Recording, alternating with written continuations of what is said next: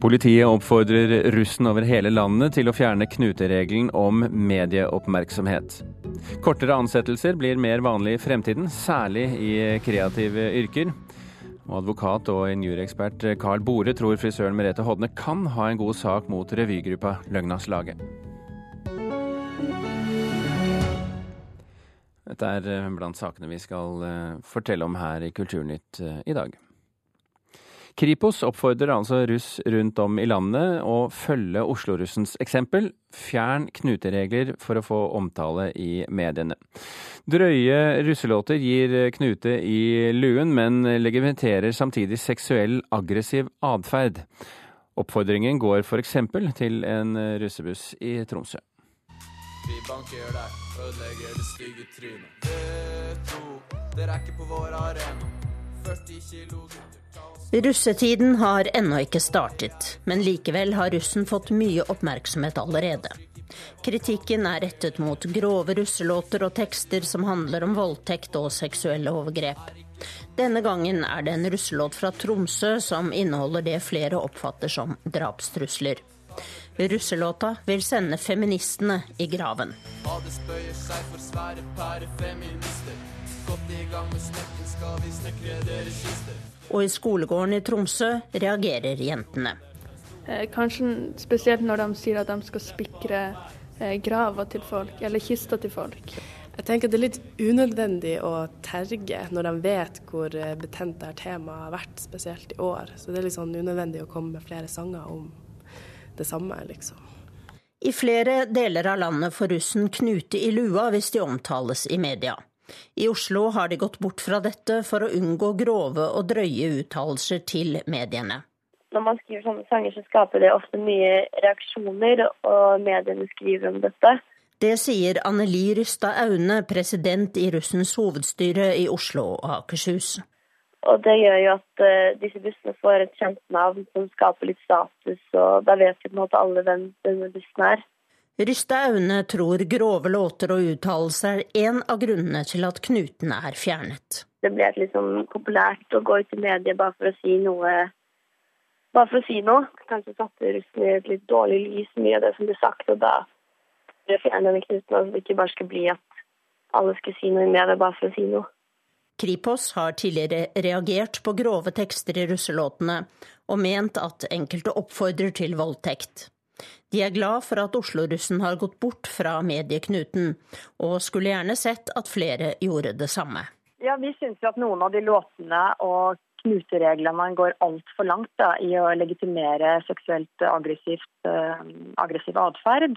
Eh, så det at russen i Oslo nå har tatt et grep, eh, ser jo vi på som, som veldig positivt. Og håper jo da at russen for øvrig i landet ellers vil gjøre noe av det samme.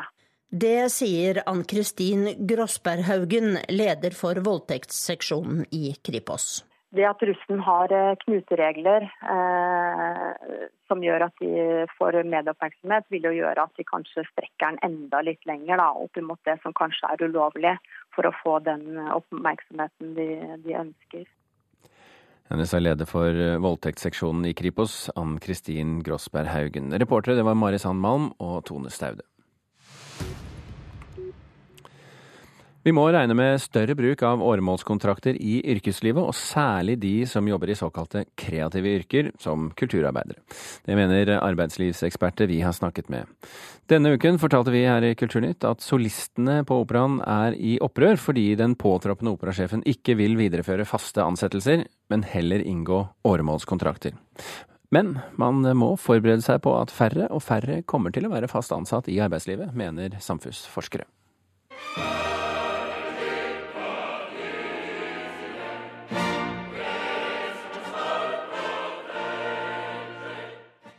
Handler nok om uh, noe økende konkurransetrykk på en del uh, sektorer, som gjør at man hele tiden er opptatt av uh, å ha de beste og være i toppen.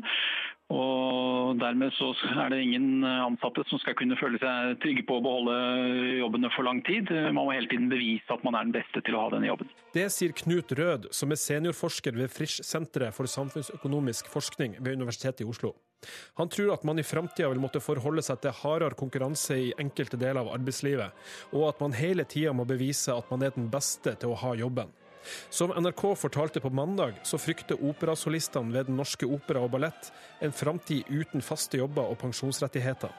Også Preben Karlsen, som er daglig leder i kommunikasjonsbyrået Trigger, spår at arbeidslivet går i retning av flere løse fugler. I hvert fall drevet fra arbeidsgiversiden tror jeg at kreative yrker er mer utsatt, fordi man ser at man kan trekke inn de mer på prosjektbasis. Han viser til at i USA utgjør frilanserne hele 34% av arbeidsstyrken, og det her kommer også til Norge.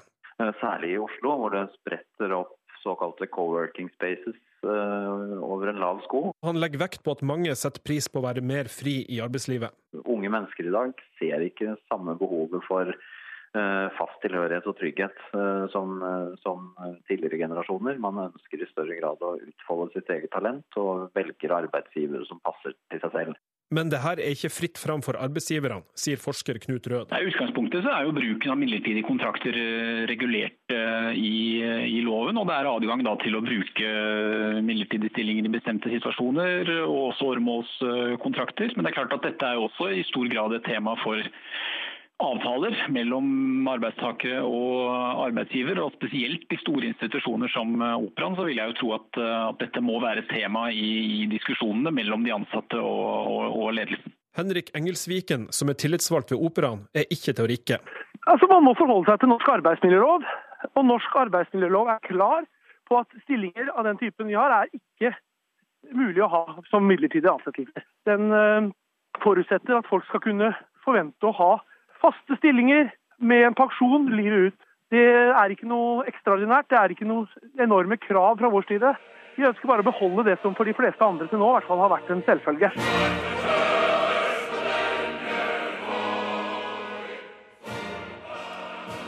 La meg bare ta med at Den norske opera og ballett sier at deres ønske om å gå over til åremålskontrakter er av kunstneriske hensyn, og at det skal gi en bedre løsning med en miks av lengre og kortere åremålskontrakter. De sier også at det forutsetter at de får på plass en ny avtale med solistene. Og eh, operasolistene de skal etter planen møte medlemmer av kulturkomiteen på Stortinget etter påske for å legge frem sin sak for dem. Reporter her, det var Oddvin Aune. La oss eh, holde oss til eh, drama i operaen, men nå litt nærmere scenen. For bare halvannen uke før Debussys gåtefulle mesterverk eh, Peleas og Melisande skal spilles for første gang i Norge, så er det usikkert om hovedrolleinnehaver Ingeborg Gillebo blir skadefri til premieren.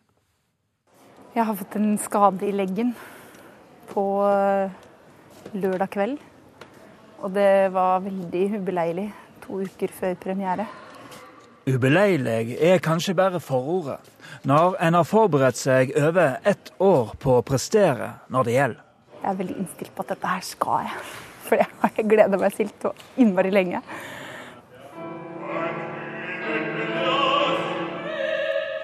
For prøvene til den eneste operaen Debussy lager, går sin gang. Men førebelsmå messosopran Ingeborg Gillebo bidrar fra skadebenken nedenfor scenen.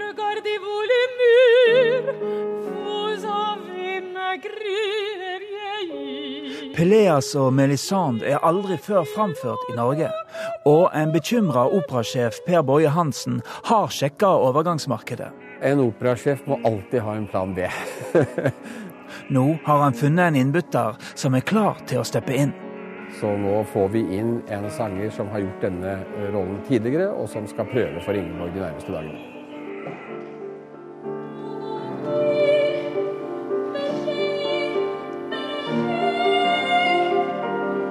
I så fall en solid nedtur for Gudbrandsdølen, som alt har opptrådt på ei rekke av de ledende operahusene i verden, som Metropolitan i New York. Men den tsjekkiske regissøren Barbara Horakova Jolie har tro på at Ingeborg blir premiereklar. Shape, sure. jeg skal det, altså. Jeg skal, jeg skal, være flink nå og og bruke min, eh, min gudbrandsdalske tålmodighet. Og ta det med ro de første dagene. Så skal jeg være så godt forberedt som jeg kan når jeg er på beina igjen. Premieren det er fredag 7. april. Reporter her, det var Arne Sørenes.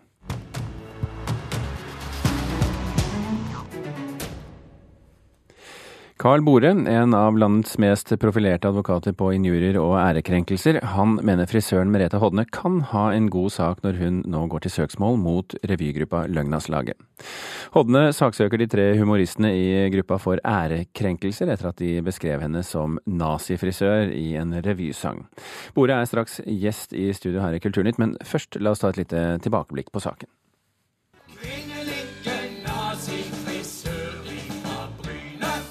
Det er denne revysangen som er stridens kjerne. Den handler om frisør Merete Hodne fra Bryne, og er framført av Per Inge Torkelsen, Dag Skreiner og Rune Andersen i revygruppa Løgnaslaget nærmere 60 ganger. Bakteppet for sketsjen er saken der Merete Hodne nektet en hijabkledd kvinne adgang til frisørsalongen sin, noe som førte til at lagmannsretten ga henne 7000 kroner i bot. Jeg har et hodeplagg så bare viser øynene jeg nødt til å gå til han som klipper sauene. Men Hodne likte ikke revygruppas ordbruk, og forsøkte å stoppe sketsjen i en såkalt midlertidig avgjørelse, eller midlertidig forføyning. 8. mars møttes partene i Stavanger tingrett, der Løgnaslaget stilte i stripete fangedrakter. Litt humor må jo ha litt humor, og så er vi jo en gjeng. En for alle, alle for en. Sa Per Inge Torkelsen. Dommeren kom fram til at det ikke var grunnlag for å stanse revynummeret, og viste til at nesten alle forestillingene allerede var gjennomført, slik at det å stanse sketsjen ikke ville begrense skaden nevneverdig. Dommen tok ikke stilling til om bruken av ordet nazifrisør er ærekrenkende, men anerkjente argumenter fra begge parter. Siden har Hodne skiftet advokat, og Per Danielsen, som representerer henne nå, mener at det er grunnlag for å saksøke de tre medlemmene i Løgnaslaget for ærekrenkelse, med krav om 200 000 kroner i erstatning fra hver av dem. Det som er fremsatt krav om, det er eh, oppreisningserstatning. Først og fremst av generalpreventive grunner. Da, at det skal markeres at man ikke skal drive og gå rundt og beskylde folk for å være nazister. Og Løgnaslagets advokat Brynjar Meling sier at de ser fram til rettssaken. Når det gjelder søksmål, så tar vi det med stor skro. Altså, det er en fullstendig lovlig ytring.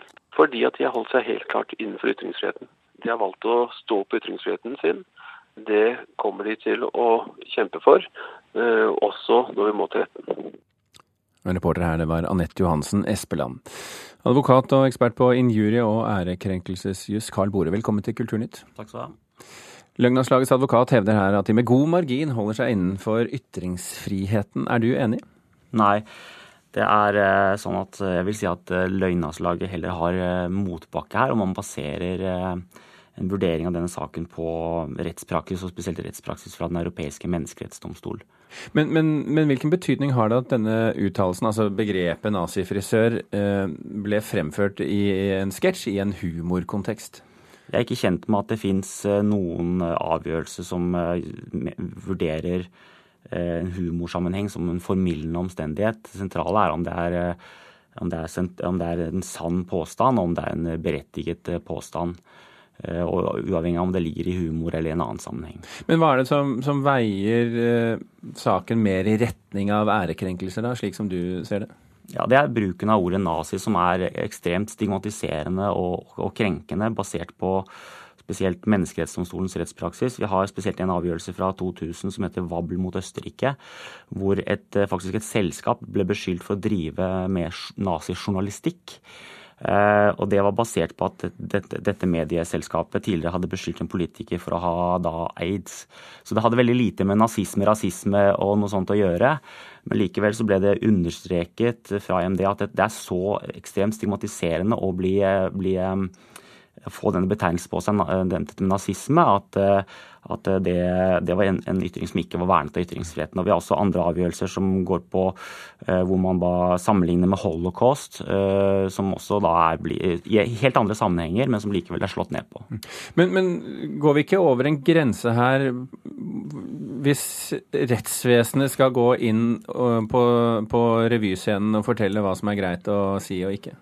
Rettsvesenet har alltid hatt et, en, en mulighet til å gripe inn for å, personer, for, for å, beskytte personvernet til enkeltpersoner. Så dette er ikke noe spesielt egentlig sånn sett. Men ytringsfriheten står veldig sterkt i Norge, og det skal ganske gode grunner til for å, å få noen dømt for brudd på den? Ytringsfriheten står veldig sterkt, og kanskje enda sterkere i Norge enn den burde, basert på EMDs praksis. Men altså det skal, eh, domstolene krever ekstremt gode begrunnelser for unntak, så det er ikke noe gitt her hvilket utfall denne saken vil få. Ikke, man kan ikke garantere noe utfall. Men jeg vil likevel si at Hodne har, har medvind eller ja, en fordel her når, når, saken starter. Men hennes advokat, altså Per Danielsen, han snakker i, her i denne saken som vi hørte, om generalpreventive grunner først og fremst. Er du, er du enig i at det er det det handler om? Det, det det, handler om, er at det, bruken av ordet nazi, eh, holocaust og lignende ord, rasisme, Eh, i gitte sammenhenger er så stigmatiserende at det ikke bør brukes. Eh, og Det er det domstolen vil se ned på. Om vi kaller det generalpreventive grunner, det kan man godt gjøre. Men det er ikke det domstolen skal vurdere. De skal vurdere hvor stigmatiserende og krenkende det ordet som benyttes er. Mm.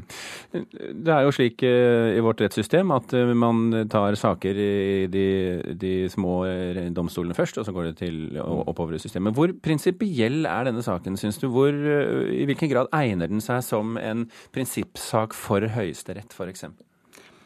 Vi har sett at veldig mange saker eh, om I den grad det har vært saker, så har de havnet i, i Høyesterett. Eh, eh, så dette, jeg skal ikke forundre meg om denne saken havner i Høyesterett. Om den er prinsipiell altså Jeg mener at den ikke er prinsipiell, men flere saker som vi tidligere har ment ikke er prinsipielle, har likevel havnet i Høyesterett. Og vi har vært i Høyesterett de siste tre sakene med, som har handlet om en jury, hvor vi i flere tilfeller har ment at det ikke var prinsipielt, men det er likevel tatt inn.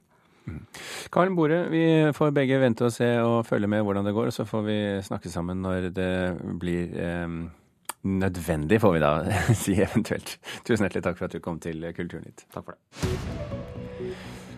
Og klokken passerer der eh, 20 minutter over åtte. Du hører på Kulturnytt, og dette er toppsakene i Nyhetsmorgen nå. Både FN og det svenske utenriksdepartementet bekrefter at en kvinne som ble funnet drept i Kongo, er den svenske FN-granskeren Saida Catalan. Akupunkturbehandling var mest sannsynlig årsaken til at en mann døde av blodforgiftning i februar 2015, konkluderer fylkesmannen. Og verpehøner skal igjen bli mat. Høner blir i dag gasset i hjel og brukt i sement, men nå skal Nortura igjen begynne å slakte verpehøns for salg i matbutikk.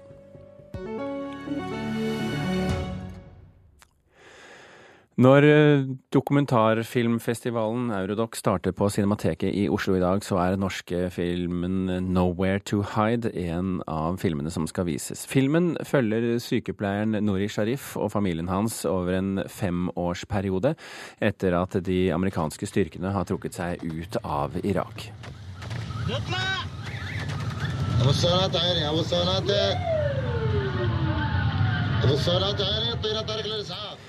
Før jul vant denne filmen prisen for beste kinodokumentar på verdens største dokumentarfilmfestival, IDFA i Amsterdam, og i vår er den blitt vist på diverse festivaler rundt omkring i Norge. Med oss i studio i Stavanger har vi Saradasht Ahmed, regissør for filmen. Velkommen! Ja, hei. Hva var det vi hørte her, eh, Saradasht? Eh, det vi hørte, det er åpningsscenen eh, der uh, vi er i en ambulanse på vei til Jalaula Emergency sykehus. Mm.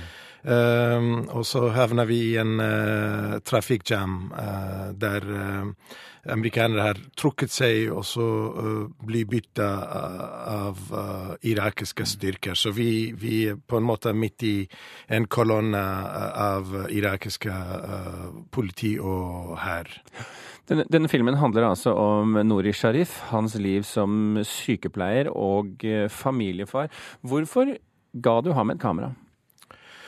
Altså hele ideen startet uh, vi, vi, holdt på å dokumentere uh, tilbake i 2010. Uh, vi skulle dokumentere skadene som ble påført mens landet var under okkupasjonen av USA og alliansene. Så vi utstyrte tolv mediker i diverse områder med å dokumentere ja, saker og folk som ble utsatt for sånn type krigshandlinger. Mm. Men så uh, Amerikanerne trakk seg i uh, 2011, på slutten av 2011, så vi tenkte kanskje Uh, se om ting går bedre, fordi hovedårsaken til konflikten i Irak uh, var uh, vekke. Mm. mm. Men, men um, i, i, begynnelsen av filmen så er det jo Han er jo optimistisk. Han er jo glad på vegne av Irak og, og amerikanere som trekker seg ut og de får tilbake friheten. Men, men så sier han på slutten av filmen her at han begynte prosjektet med å dokumentere andres skjebne, men så ender han med å dokumentere sin egen. Hva forteller det om Irak de siste årene?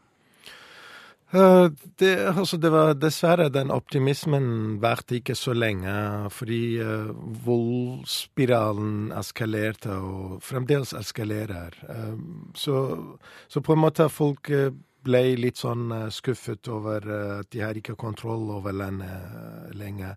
Og fra det å være observant Han var observerende, altså han observerte. Folk snakket til han, og så det ble sånn og sånn. de havnet i kryssild, og de ble ja, utsatt for vold fra diverse militser. Så, så, han dokumenterer disse historiene. Så gjennom filmen så blir han fra å være observerende til å være en, midt i hjertet av krigen. altså. Det, det, er forunderlig når man ser denne filmen, uh, Saradasht, at uh, de men, altså, uh, Nori selv og de menneskene han snakker med, er, uh, de er utrolig fredelige og holder på sin humanisme veldig enkelt, synes det som. det er et annet bilde enn det vi pleier å få fra krigssonene. Presis. Det, er altså, jeg er derifra. Altså, jeg um, selv om jeg har bodd her i Norge i over 20 år. Men uh, jeg kan, uh, kan, problematikken på en måte, kan, uh, kan kulturen, jeg kan det, hvordan folk tenker og hvordan folk egentlig er. Og folk generelt er jo det samme. altså De, de, de har de behovene som alle andre har, uansett, uavhengig av geografiske begrensninger. Men når mainstream-media, f.eks. under Golfkrigen og senere uh, i 2003, så var det embedded. Altså det var på, på, på bare én side, og det var amerikansk side og myndighetene. Og der får du ikke den riktige bildet av det som skjer. Eh, du må være på bakken, du må være med de, og så se krigen eh, gjennom deres eh, ståsted, gjennom deres øye. Så det er det som er spesielt med filmen, at du er veldig tett på det som skjer, og du er med de. Og det er jo det som er alt alle folk er opptatt av. Det, det, det mest essensielle humanistiske behov. Saradasht Ahmed, jeg er nødt til å stoppe deg der, for vi har en mann som skal snakke til her i Kulturnytt. Takk for at du var med med oss eh, regissør av filmen 'Nowhere to Hide', som altså eh, spilles eh, på Eurodoc-festivalen i kveld.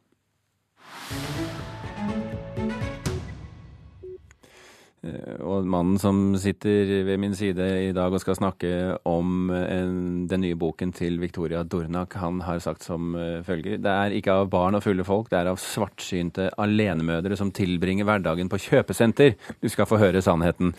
Og litteraturkritiker Knut Hoem, hva mener du med det? Det føles sånn når man eh, er på fire hjul i svingene gjennom Skien sentrum på vei til kjøpesenteret Hercules sammen med en ung eh, fødselsdeprimert alenemor som eh, nettopp har flyttet inn fra Oslo, og som ser på alt og alle med mørkt, mørkt blikk, sånn som man gjerne gjør når man befinner seg inne i en depresjon, for det er sånn det ser ut i den nye romanen til Victoria Donak, som altså heter Senteret. Hvem er hun?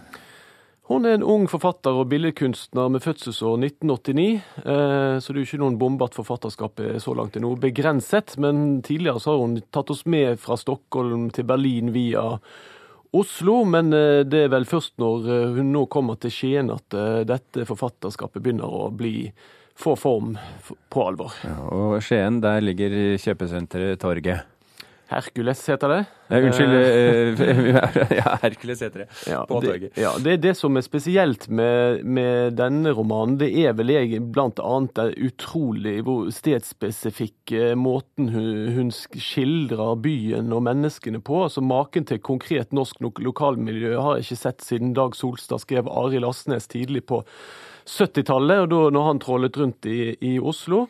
Og så merker man også at Donak Dornak er billedkunstner. Hun har veldig mange små skisser av uh, de menneskene hun møter på veien. Uh, hun har også hatt en utstilling i Skien der hun har tegnet disse menneskene. Så det hun gjør i romanen, er at hun, egentlig at hun tilbakeoversetter disse tegningene til skrift. Hvordan fungerer det? Nei, Det fungerer eh, veldig bra. Eh, også denne romanen eh, er jo preget av det som kritiker i Dagens Næringsliv Bjørn Gabrielsen sa preger norsk samtidslitteratur. Dvs. Si at man er veldig, forfatterne er veldig gode på stemningsbilder med utgangspunkt i detaljer. Men at det kanskje mangler litt drama og oppbygning. Mm. Det vi lurer på her, det er jo om denne alenemoren vil bli kvitt fødselsdepresjonen sin. Eh, og, og det blir hun.